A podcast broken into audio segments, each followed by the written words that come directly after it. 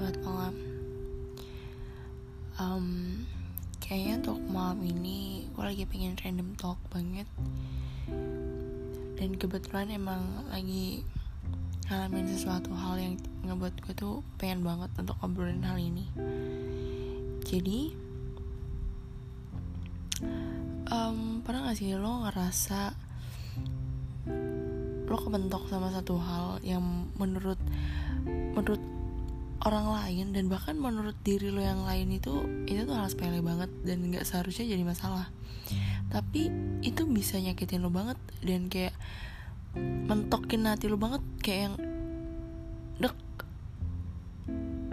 sakit hati gitu. Secara tiba-tiba.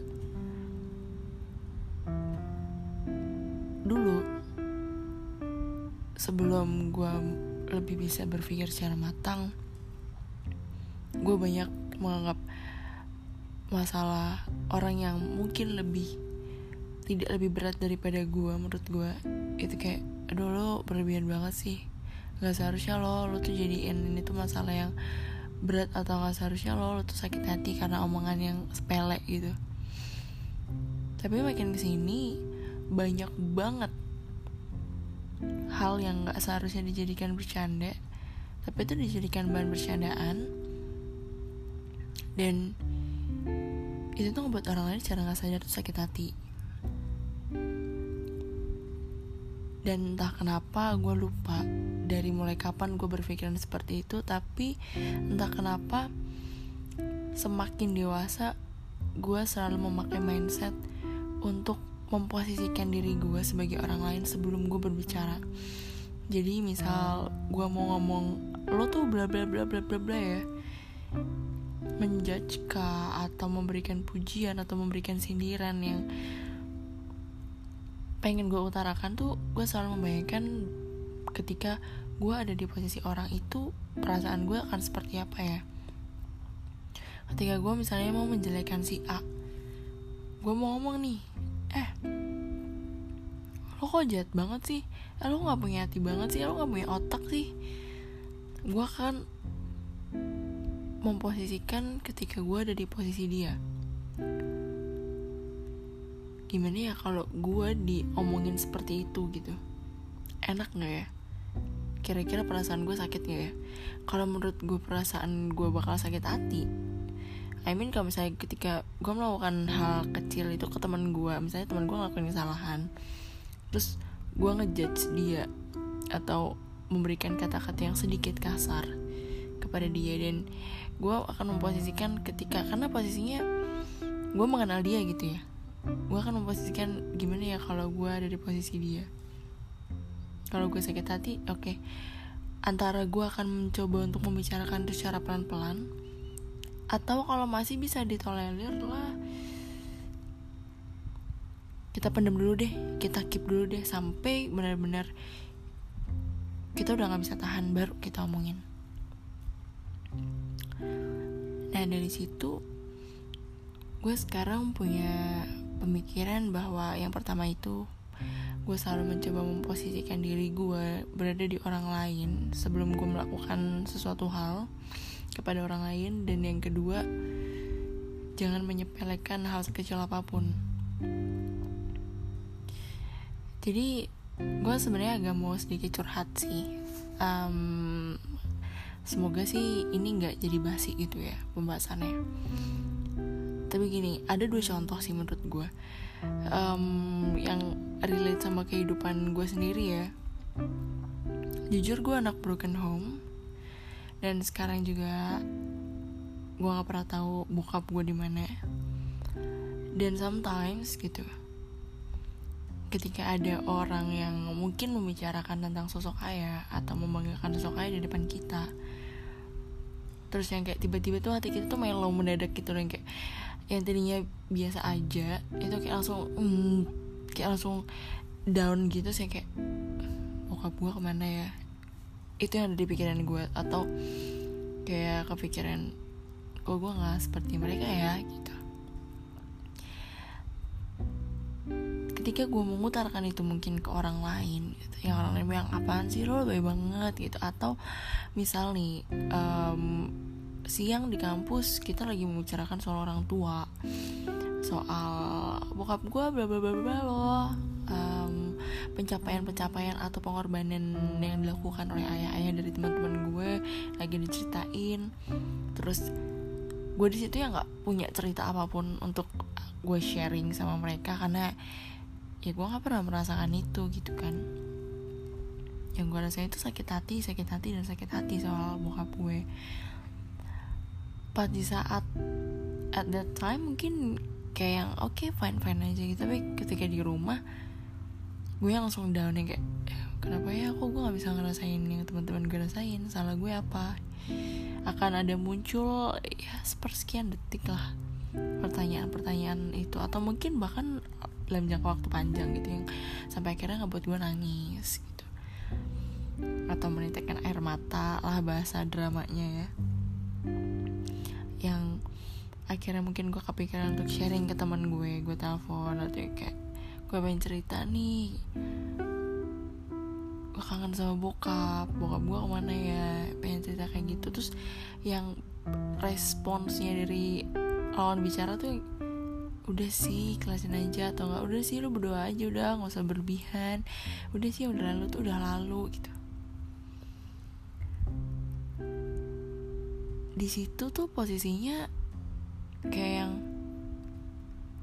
asal kalian tahu gitu ya untuk um, orang-orang yang sering banget ngomongin itu kayak down semakin down lagi gitu. Karena kayak misalnya ketika orang bilang ya lu berdoa aja buat bokap ya gue ngelakuin itu gitu loh. Itu nggak perlu lo kasih tahu pun gue ngelakuin itu. Kayak udah lah nggak usah berlebihan gitu. How can? Gitu kayak gimana bisa sih lo ngomong kayak gitu? Gak usah berlebihan itu yang seperti apa? Menurut tuh berlebihan itu yang seperti apa gitu loh? Gue yang gak bisa move on dari masa lalu atau gimana? I mean kalau misalnya itu soal mantan pacar gitu it's okay lah ya gitu karena itu nggak yang mendarah daging buat hidup lo gitu. Tapi ini orang tua. I think like sampai tua pun kasih sayang orang tua ke kita atau kita ke orang tua itu akan tetap ada gitu loh. Sebenci bencinya deh. Pasti ada satu titik di hati manusia di hati anak. Itu yang sebenarnya tuh kangen loh sebenarnya tuh pengen juga loh dapat kasih sayang dapat perhatian dari orang tua. Yang mungkin tidak sesempurna kalian gitu. Dari situ akhirnya oke okay, di keep lah untuk next next nextnya lagi ketika ada kejadian sama yang berulang. Kita akan lebih milih untuk diem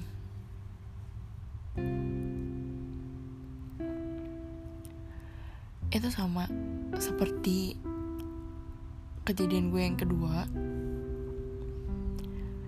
Itu gini um, karena kejadian yang pertama soal bokap gue nih gue tuh jadi kayak capek banget sama yang namanya dibohongin. Oke okay, um, semua orang pasti nggak suka ya dibohongin tapi gue tuh yang kayak bener-bener udah ada di titik posisi enak banget ah dan karena itu pun sedetail apa pun orang yang gue percaya itu ngomong itu gue kayak bener-bener kerekam jelas di otak gue oh si A nih ngomong A A B C D E F G gitu. Sampai pada suatu ketika nih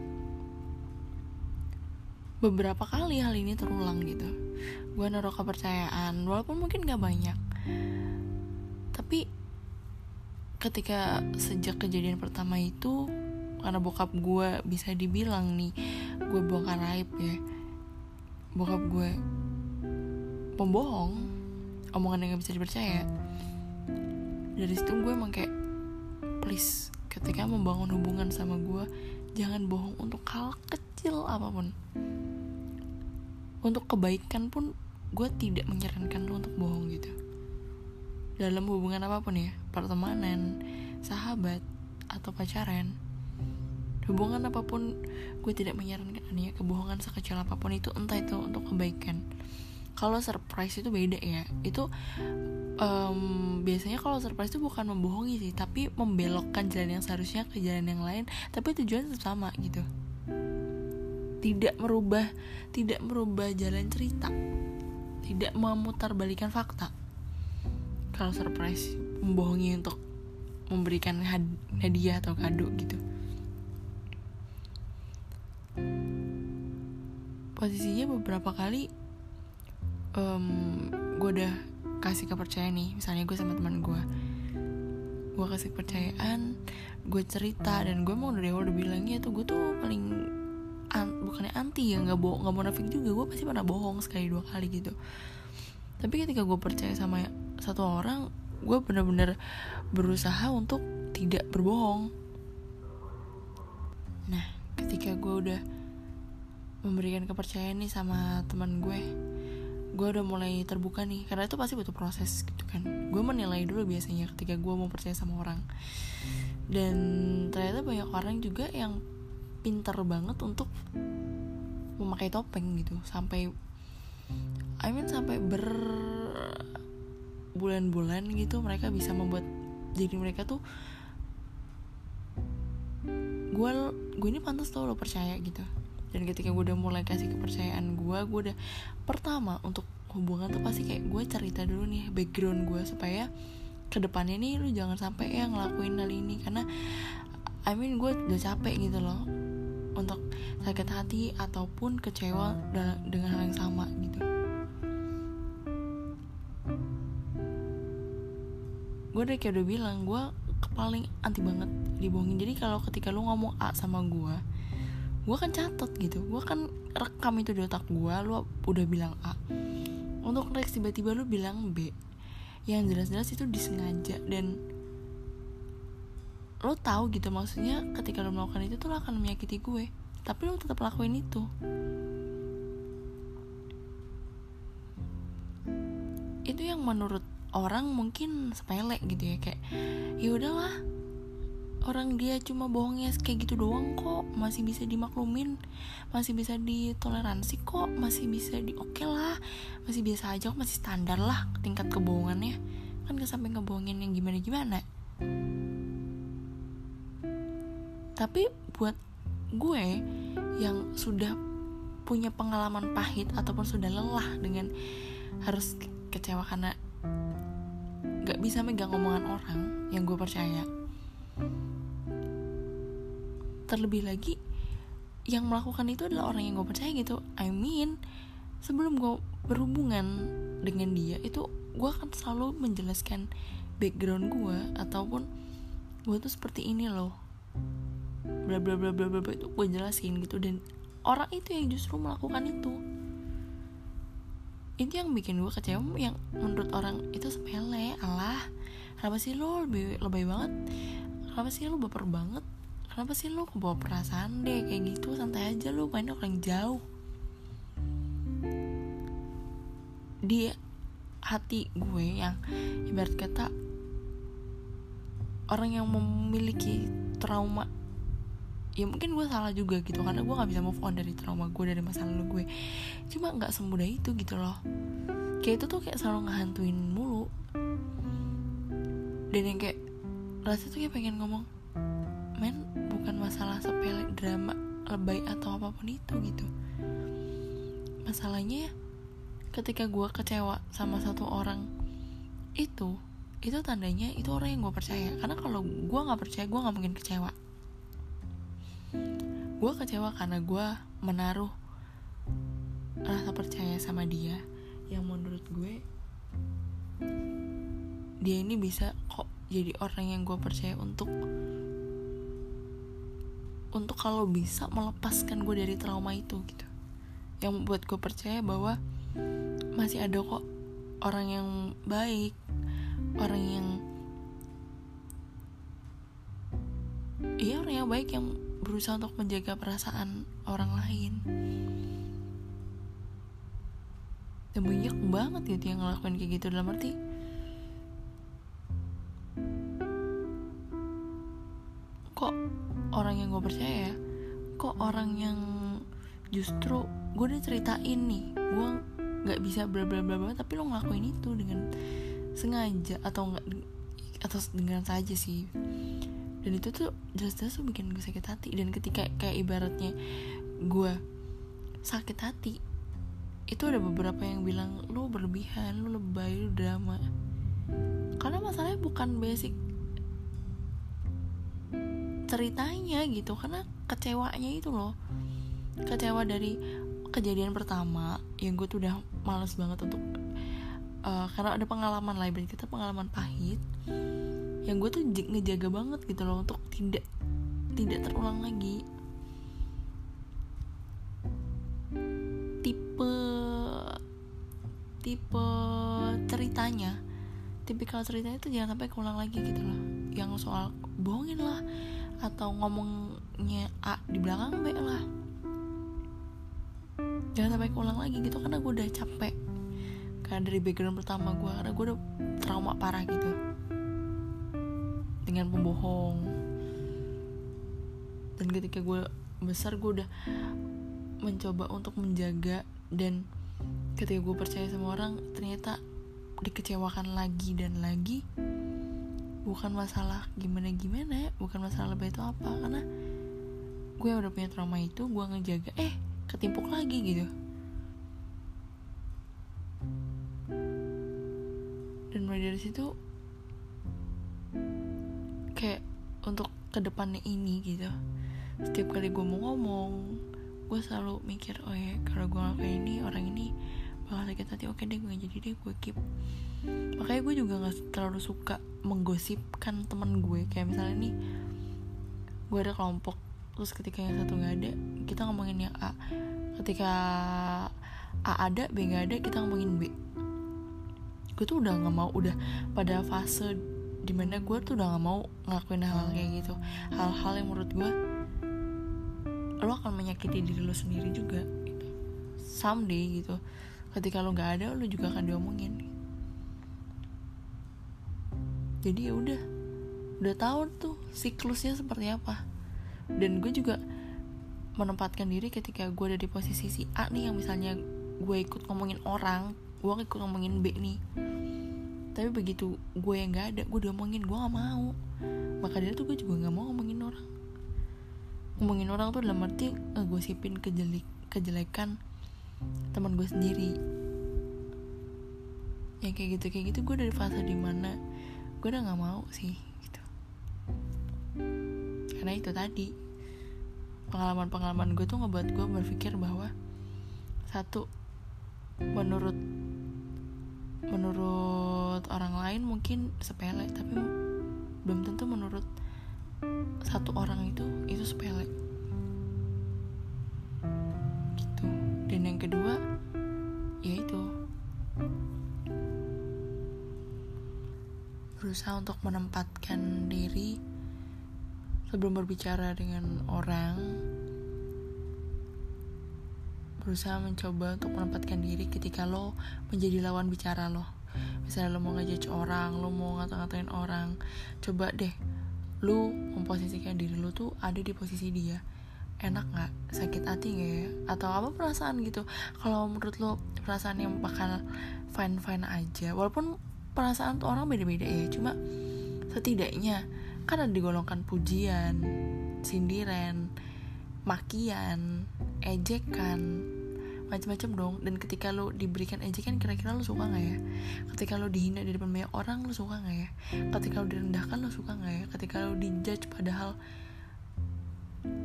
lo nggak tahu eh mereka nggak tahu tentang lo yang sebenarnya lo suka nggak ya? Mikirin itu aja. Gue sih nggak berani jamin 100% tapi gue pikir itu akan cukup bekerja dengan baik untuk ngerem kita untuk tidak melakukan sesuatu hal yang bisa membuat orang lain itu merasa down atau menyakiti orang lain lah. Paling nggak kita bisa ngerem. Gitu sih. So gitu aja curhatan gue malam ini. Maaf banget jadi panjang hampir 20 menit. Ya buat kalian sabar-sabar aja yang dengerinnya dan gue ngerekam ini di hari Jumat malam. Jadi gue mau ngucapin selamat berweekend. Gue gak tau sih ini diupload kapan cuma ya bukan selamat berweekend ding. Kayaknya gue harus ganti tetap semangat untuk menjalani setiap harinya dan semoga dari hari ke hari kita bisa menjadi orang yang lebih baik lagi menjadi orang yang lebih positif dan berusaha menjadi sosok yang walaupun kita tidak bisa menyenangkan setidaknya kita berusaha untuk tidak menyakiti sesama manusia. Oke? Okay? bukan manusia jadi semuanya. Oke okay, selamat malam